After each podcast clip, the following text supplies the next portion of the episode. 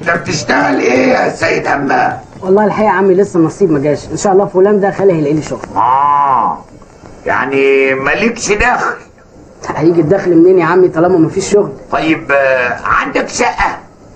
الراجل ده غبي ولا إيه؟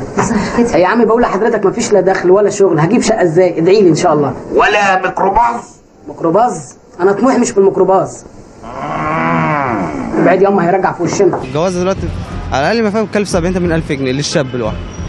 والواحدة برضه نفس التكاليف برضه فبتبقى صعبة. بنحرم جوازاتنا كده وإحنا قاعدين؟ دي يا بيه غير القادر على الباقة جوازته حرام. اللي يجوزه حرام عليه. يروح الشقة. عشان يجيب المنقولات عشان يسلمها لها ما يقدرش يخش للشقه يبقى هي قايمة وقاعدة ونايمة على المنقولات وفي نفس الوقت شاكية في المحكمة بقايمة المنقولات. يعني أي زوج هيبدد قيمه المنقولات الزوجية هيتحبس آه، آه، مدة آه، قد تصل إلى ثلاث سنوات وهيدفع غرامة. لكن تطلب الطلاق إنه يتجوز؟ يبقى شوف يوم القيامة وهنتقابل أنا وأنت وهي وهتدخل جهنم من نفس إحنا موجودين فيها. وحالات الطلاق والغلاء الرهيب ده.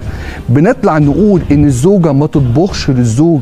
ومفيش دليل قرآني أو آية أو حديث يقول إن الزوجة تطبخ لجوزها. هو إحنا محتاجين زيادة حالات طلاق وانفصال ويتلعب في دماغ الستات أكتر ما هو ملعوب فيها. دكتور سعد شفت الكلام ده إزاي؟ وحضرتك برضه هترد على اللي قالته لا يجب مين اللي يقوم بيها بقى؟ وإنما تتفرغ لتربية الأبناء وطلبات الزوج. تطبخ له هي تطبخ لعيالها ولا ما تطبخش؟ ما أنا بقول لك لا. طب استنى بقى خلق اسمع بقى الحكم بقى. الدوشة دي كلها. إيه اللي حصل يا إخوانا؟ إزاي الجواز بقى كده؟ إزاي وصلنا لده؟ الجواز بدل ما يبقى دخول لبيت حب وسكن ومودة ورحمة بقى عامل زي دخول بيت رعب وصراع ماديات وتخليص حق وانتهاز فرص.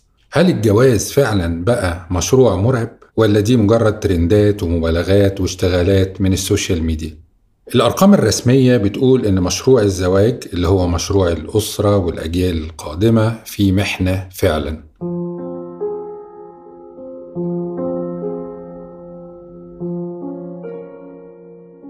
طبقا للجهاز المركزي للتعبئة والإحصاء حالات الزواج زادت سنة 2021 بنسبة نص في المية عن السنة اللي قبلها. ودي نسبة ضعيفة مقارنة بزيادة عدد السكان.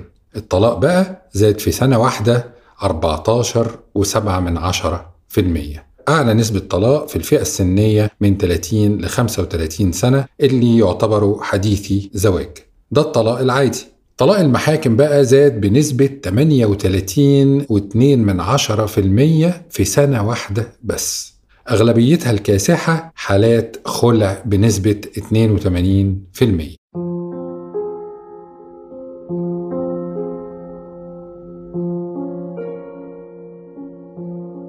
مش عايز أصدع دماغكم بقى بأرقام تأخر سن الجواز وقضايا النفقة والقايمة والرؤية وغيره. لكن واضح طبعا إن في مشكلة كارثية مركبة. طبعا الموضوع معقد وله جوانب كتير متشابكة لكن لازم يبدأ وينتهي عند الدين.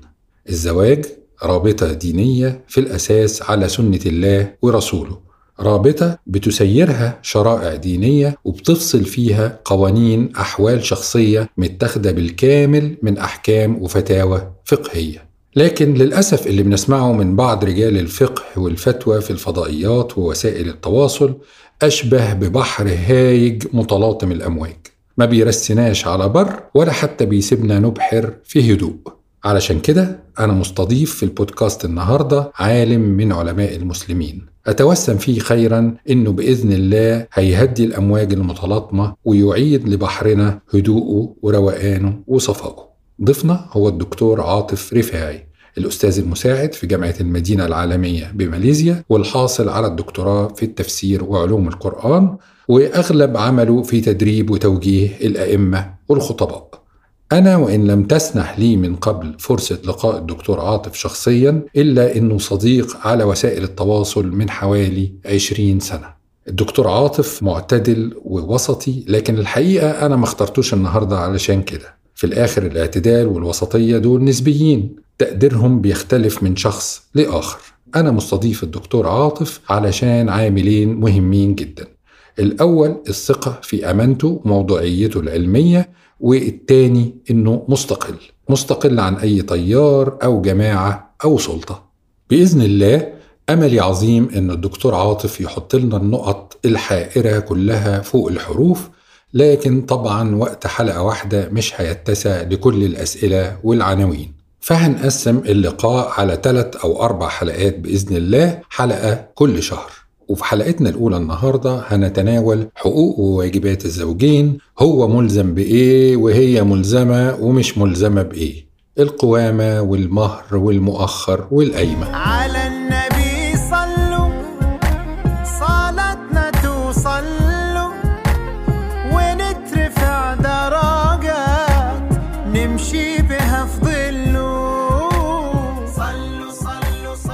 عليه الصلاة والسلام ألف أهلا وسهلا بحضرتك يا دكتور عاطف إيه رأي حضرتك؟ هل بالفعل مشروع الزواج أو بتعبير آخر مشروع مستقبل الأسرة عندنا في محنة وخطر؟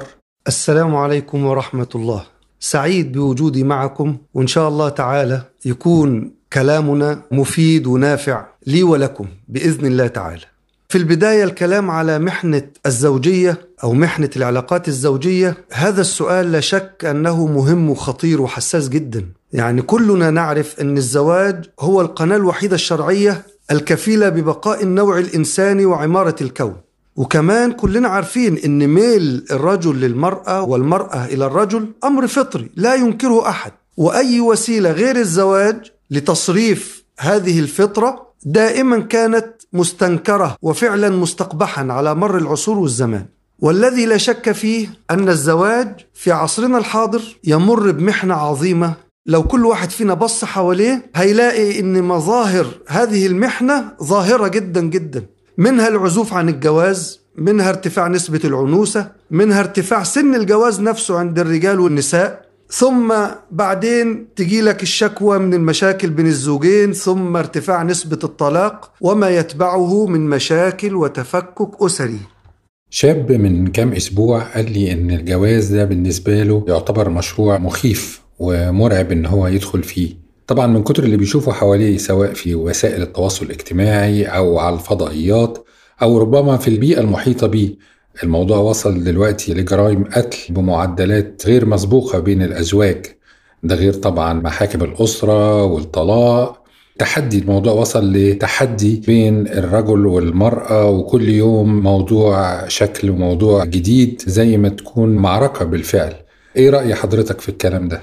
طبعا استخدام كلمة مشروع مخيف ومرعب يعني أمر مبالغ فيه جدا لأن الجواز عمره لا كان مخيف ولا كان مرعب. لكن ده مشروط إن الطرفين تكون عندهم أولويات. كل واحد فيهم عارف أولويات الجواز أولويات الاختيار الأخلاق التدين السيرة الحسنة القدرة على القيام بأعباء الزواج. فلما يهمل الناس هذه الشروط لما يهمل الناس الأخلاق والتدين والسيرة الحسنة والقدرة على القيام بأعباء الجواز بينقلب الزواج يصبح كابوس يصبح قنبلة موقوتة سرعان ما تنفجر بالمشاكل والخلافات. طيب يا دكتور عاطف هي العلاقة الزوجية المفروض تاخد شكل مودة وسكن ورحمة ولا شكل حقوقي في شكل التزامات وواجبات؟ إحنا مش بنتكلم حتى على إننا نوصل لموضوع محاكم وطلاق وخلع ومحامين لا بنتكلم حتى في إطار علاقة مستقرة بين الزوجين ومفيش مشاكل بينهم. هل العلاقة بتبقى بالتراضي والمودة والسكن والرحمة والتعاطف ولا بتاخد شكل زي ما إحنا بنشوف اليومين دول الزوج ملزم بكذا والزوجة ملزمة بكذا وتبقى العلاقة بينهم في البيت حتى في إطار العلاقة المستمرة بدون ما تحصل خلافات حادة تبقى في شكل لا أنت عليك كذا وأنا عليا كذا وأنا ليا كذا وأنت ليك كذا ولا هي مزيج من الاتنين؟ الجواز هو كل هذه العناصر مجتمعة المودة والرحمة أداء الحقوق أداء الواجبات. لابد لابد لاستمرار الحياة الزوجية لابد إنها تكون مشتملة على كل هذه العناصر. كما يقال ليس بالحب وحده يحيا البشر. هناك مسؤوليات وهناك واجبات لا يجوز إهمالها ولا التقصير فيها. قال رسول الله صلى الله عليه وسلم كفى بالمرء اثما أن يضيع من يعول. وطغيان المادة في هذا العصر هو السبب في تمسك أطراف كثيرة جدا في العلاقات الزوجية بهذه المسائل المادية التي تفسد أكثر مما تصلح. حضرتك قلت جملة مهمة جدا القدرة على تحمل أعباء الزواج أعتقد في الجملة دي سر مهم قوي لفشل العديد من الزيجات في العصر الحالي أنا رأيي إن الأجيال الجديدة وده موضوع هيسوق مع الوقت للأسف لم يتم إعدادهم في بيوت أهاليهم على المسؤولية دي. هل حضرتك تتفق معي؟ وإيه الحل للموضوع ده؟ إزاي يتم إعداد الشباب أولاد وبنات على تحمل مسؤوليات وأعباء الزواج قبل ما يوصلوا لسن الزواج ومرحلة البدء في تأسيس بيت؟ أنا أوافق حضرتك تماما يا دكتور ياسر في النقطة دي. أكثر بيوت المسلمين لا يوجد فيها أي طريقة لإعداد الأولاد والبنات للقيام بمسؤولياتهم إذا تزوجوا. صحيح. فكرة الدورات التدريبية والدورات التأهيلية قبل الزواج فكرة مهمة جدا. بالإضافة إلى أننا رغم أن إحنا بعيدين عن وضع السياسات التعليمية فلازم وضروري جدا للأمة أن يكون مقرر على الأولاد والبنات في المدارس مناهج مقررة تعينهم على فهم طبيعة الحياة الزوجية والمسؤوليات الواجب عليهم القيام بها.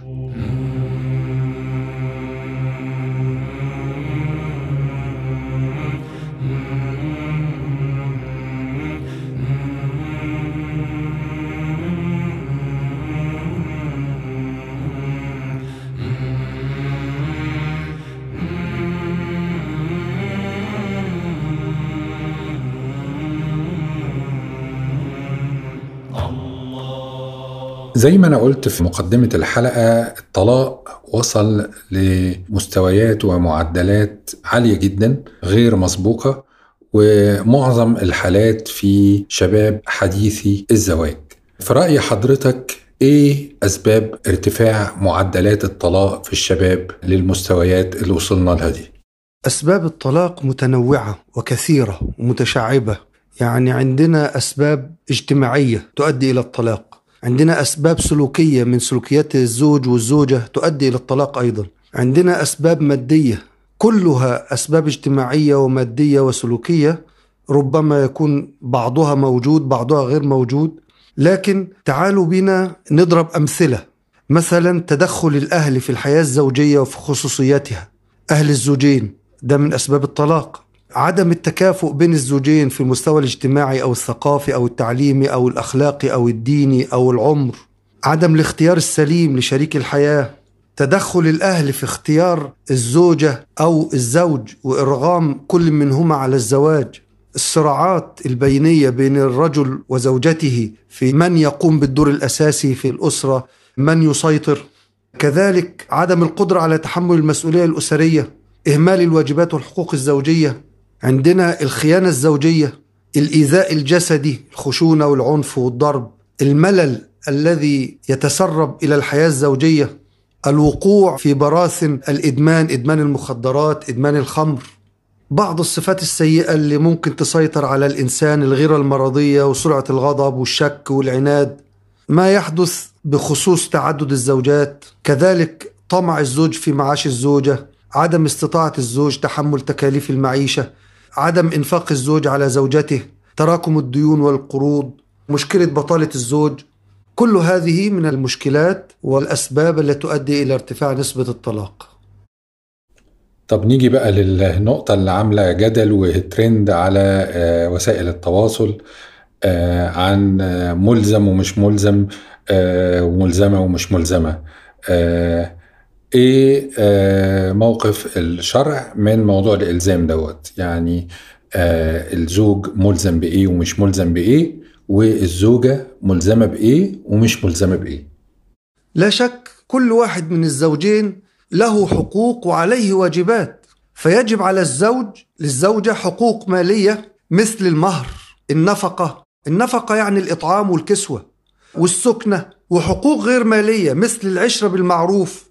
فلا يسب ولا يقبح ولا يضرب الوجه. ولو كان عنده زوجات يجب عليه العدل في المبيت والنفقة والكسوة كما يجب على الزوج أن يعلم زوجته الخير والمعروف وأن يوجهها لما يحبه الله ويرضاه.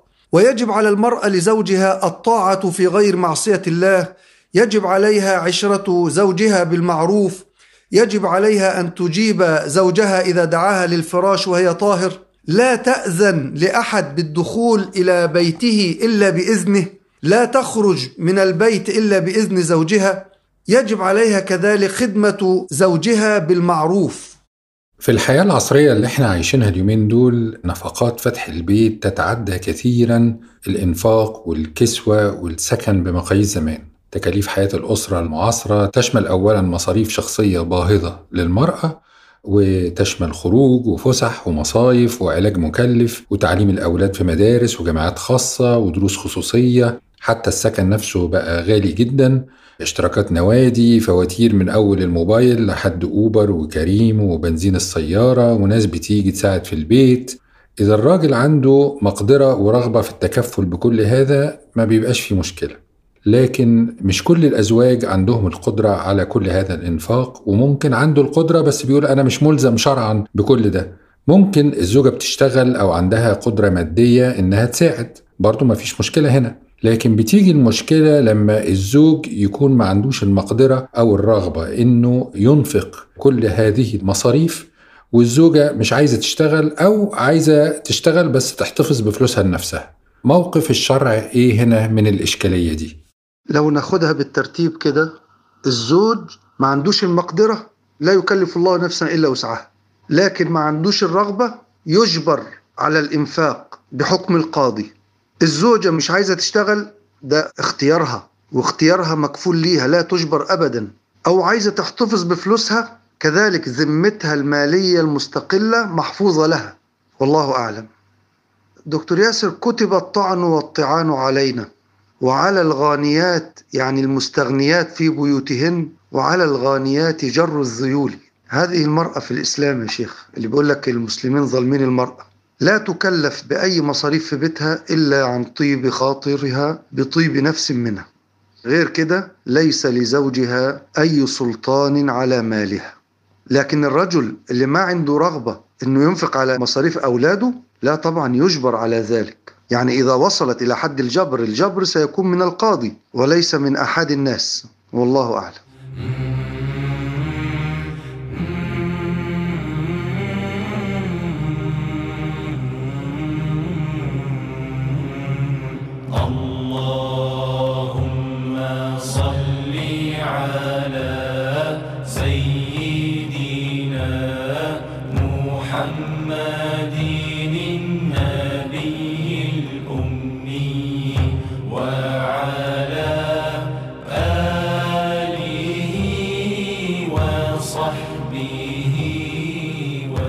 القرآن الكريم سورة النساء الرجال قوامون على النساء بما فضل الله بعضهم على بعض وبما أنفقوا من أموالهم. وحضرتك أستاذ تفسير ما المقصود بالقوامة؟ هل هي مسؤولية أم تمييز؟ وهل هي عامة؟ بمعنى أن كل الرجال قوامين على كل النساء وكل زوج قوام على كل زوجة؟ ولا ليها شروط؟ وهل ممكن تسقط في بعض الأحيان؟ يعني بنشوف رجالة وستات متجوزين. الست ممكن تبقى أكثر علما من الراجل ممكن تبقى أكثر دينا أحسن اخلاقا. ممكن الراجل ما بينفقش وإحنا شايفين الإنفاق شرط من الشروط في الآية. والست هي اللي بتشتغل وشايلة البيت الراجل ممكن يبقى مجرم. فهل في الحالات دي كلها تسقط القوامة عن الرجل؟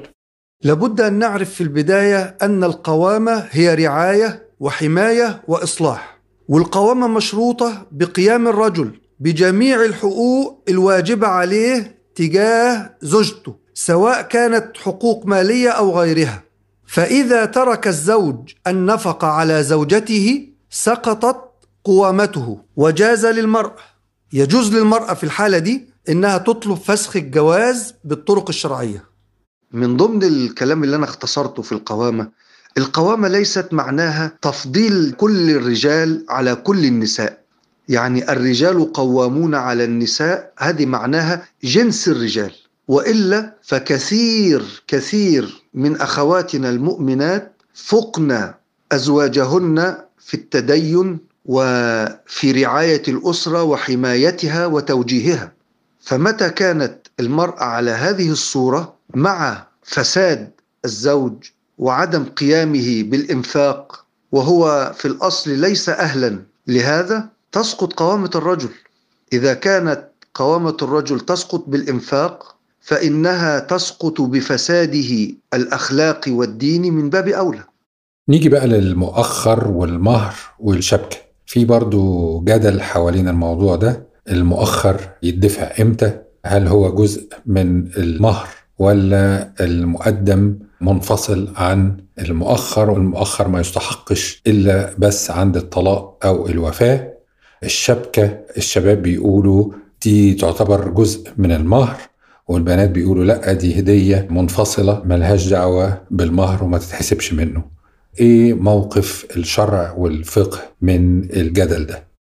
المؤخر جزء أصيل من المهر يعني يجب على الرجل أن يدفعه إلى زوجته ولو على أقساط. من الخطأ الشائع أن المؤخر لا يدفع إلا عند الطلاق. خطأ المؤخر دين في ذمة الزوج. لا بد أن يدفعه. كغيره من الديون ربما يحبس به عن الجنة. هذا بالنسبة للمؤخر. أما الشبكة فهي إما أن تكون هدية مقبولة من الزوج أو أن تكون مقدم للمهر. على حسب ما يتفق الطرفان. بس أنا كنت بسمع المأذون في بعض الأحيان عند العقد بيقول عن المؤخر إنه يستحق عند أقرب الأجلين الطلاق أو الوفاة فهل ما زال برضه يعتبر واجب السداد مع استمرار الحياة الزوجية؟ وإذا كان كده كده دين في رقبة الزوج زيه زي المقدم مع استمرار الحياة الزوجية إيه هو الغرض من وجوده أصلا في كل العقود؟ ما الزوج يدفع اللي يقدر عليه مقدم وخلاص المفهوم عند أغلب الناس إنه ضمانة لبعض المال للزوجة بعد انقطاع انفاق الزوج عليها سواء بالطلاق أو بالوفاة أو إنه يكون مثبط للطلاق إذا كان مؤخر كبير يعني يخلي الزوج ما يستسهلش الطلاق لأنه هيضطر يدفع مبلغ كبير كمؤخر. ولا إيه؟ ما إحنا قلنا إن دي من الأخطاء الشائعة. ده خطأ شائع.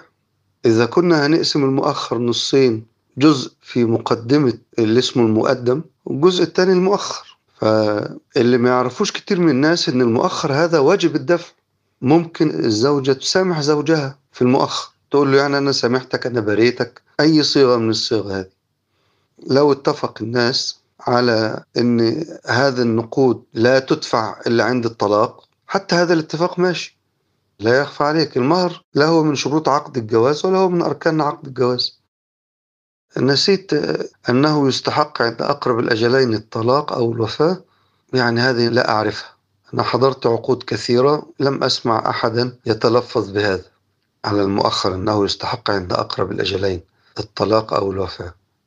لا هو دفع مقدم عشرة جنيه عشرين جنيه. اعتبر أن الشبكة مقدم. يبقى المؤخر بقية المهر الذي يجب على الزوج سداده لزوجته.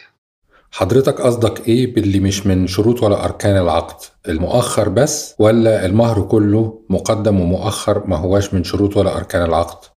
المهر ليس شرطا ولا ركنا في عقد الزواج. الشرط ده شيء واجب قبل الدخول في العقد.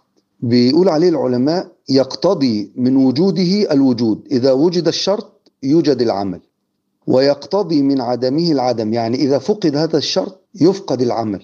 المهر ليس شرطا في عقد الزواج كما أن المهر ليس ركنا من أركان الزواج والركن هو الجزء الذي لا يتم العمل إلا به. وهنا المهر هو واجب على الرجل لحق الزوجة. فمعنى هذا الكلام إن إحنا ممكن نعقد ثم بعد ذلك نحدد المهر. طيب لو إن الناس يخافون من الاختلاف أسهل شيء عندنا أن المرأة القاعدة عند الفقهاء أن المرأة لها مهر المثل. بنت عمها بنت عمتها بنت خالتها بنت أخوها كم مهرها؟ هي لها نفس المهر.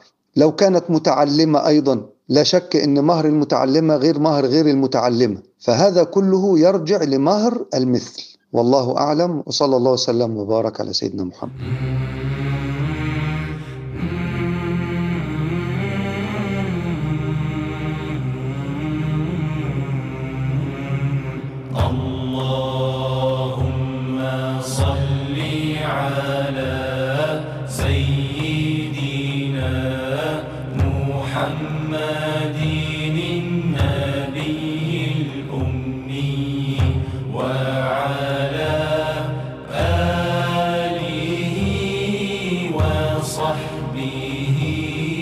وسلم اللهم نيجي بقى لآخر نقطة في الحلقة دي عشان ما نطولهاش قوي على الناس وطبعا لنا لقاء في حلقتين قادمتين إن شاء الله النقطة الأخيرة في الحلقة هي القايمة أو القنبلة الموقوتة دايما إيه حكم القايمة؟ هل ليها أي أصل شرعي؟ ولو ملهاش أصل شرعي هل تجوز ولا لا تجوز؟ وإيه هي الضوابط والشروط بتاعتها من الناحية الدينية؟ القايمة عمل عرفي الناس اتفقوا عليه عشان يحفظوا حقوق المرأة اللي بقت بتتحمل نص تكاليف الجواز وبيكتبوا القايمة دي بالتراضي المشكلة فين؟ المشكلة في المبالغات بيكتبوا مبالغ غير حقيقية بيحطوا في القايمة أساس غير موجود ولذلك يترتب على هذا كله المنازعات والمشاكل. فلو الناس يتركون المبالغات ويكتبوا الأشياء الحقيقية بأسعار حقيقية لكان ذلك حسنا ولا بأس به. بس عندنا هنا الحقيقة مشكلة تانية. مش بس إن القايمة بتتكتب فيها أشياء غير حقيقية حتى الحقيقي بيبقى مبالغ فيه وفوق قدرة العريس. فليه العريس مثلا يجبر إنه يمضي على أشياء هو ما يقدرش يجيبها ومش محتاجها والشرع ما بيلزموش بيها؟ يعني العريس مثلا مش ملزم إنه يجيب نيش وسجاجيد بالمواصفات الفلانية وستاير بالمواصفات العلانية ويجهز أربع ولا خمس أوض وزي ما بنسمع 30 ملاية و60 فوطة وأطقم من المحل الفلاني يعني إلخ إلخ إلخ. فطبعا أهل العروسة بيجيبوا الحاجات دي عشان ما تبقاش أقل من بنت خالها وبنت عمتها يمضوا العريس ليه بقى على الحاجات دي حتى لو هم اللي جابوها؟ يا دكتور أنت عمال تطلع في المشاكل. والله العظيم مشكلة القايمة ديت مشكلة أزلية. القايمة معمولة لحفظ حق البنت. عشان بكرة لما يجي يطلقها ما يقولهاش بقى إيه اطلع بره تطلع بهدومها. لا دي تطلع بحاجتها. اللي جابتها ما تبقاش طالعة منفضة. وإحنا قلنا لو أننا نكتب هذه القايمة بكل سلاسة بكل واقعية لاختفت كثير من المشاكل. طيب أنا مفاجأتي ما كتبتش قايمة لنفسي يعني ما كتبوش عليا قايمة أهل مراتي دي واحد. أنا في جوز بنتي سارة ما كتبتش قايمة عليه. هي كما أوضحت أنا في المقطع إنها حاجة عرفية واتفق عليها الناس.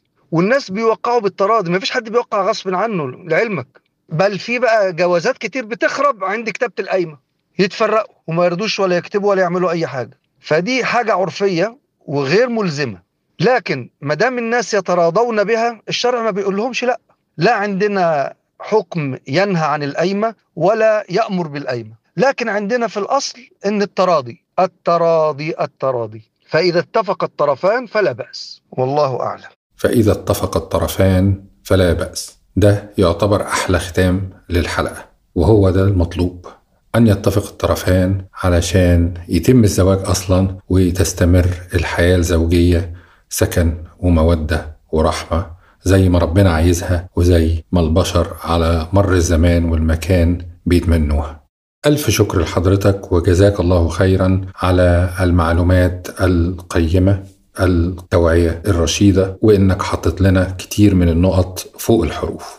شاكر جدا على هذه الفرصة الطيبة والتجربة الجميلة لزيادة الوعي حول مشاكل ساخنة تجري من حولنا وأرجو أن يجد الإخوة والأخوات المفيد والنافع في هذه الدقائق المعدودة.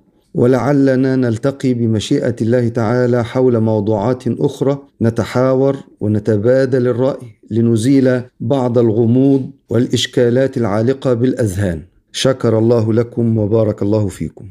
إحنا لسه مش هنسيب حضرتك على فكرة إحنا لسه لنا معاك لقاءين على الأقل إن شاء الله. لقاء في نوفمبر ولقاء في ديسمبر بإذن الله. المواضيع كتير لسه عايزين نتكلم في خدمة الزوج وخدمة أهل الزوج وحق الرؤية وقانون الأحوال الشخصية وعمل المرأة وحق الكد والسعاية والتكافؤ عند اختيار العريس أو العروسة العنف المنزلي والاغتصاب الزوجي وضرب المرأة وتعدد الزوجات وشروط عقد الجواز أمور كتير طبعا الموضوع متشعب وكبير. فلنا لقاءات بإذن الله قادمة وزائد ما يستجد بقى كل يوم ترند وفضيحة جديدة وجريمة جديدة وجدل وترندات. okay من هنا بقى لحد الشهر الجاي والشهر اللي بعده وما يستجد في موضوع العلاقات الزوجية. هنناقشه مع فضيلتك بإذن الله في حلقة الشهر الجاي وحلقة الشهر اللي بعده على كرسي في أول صف.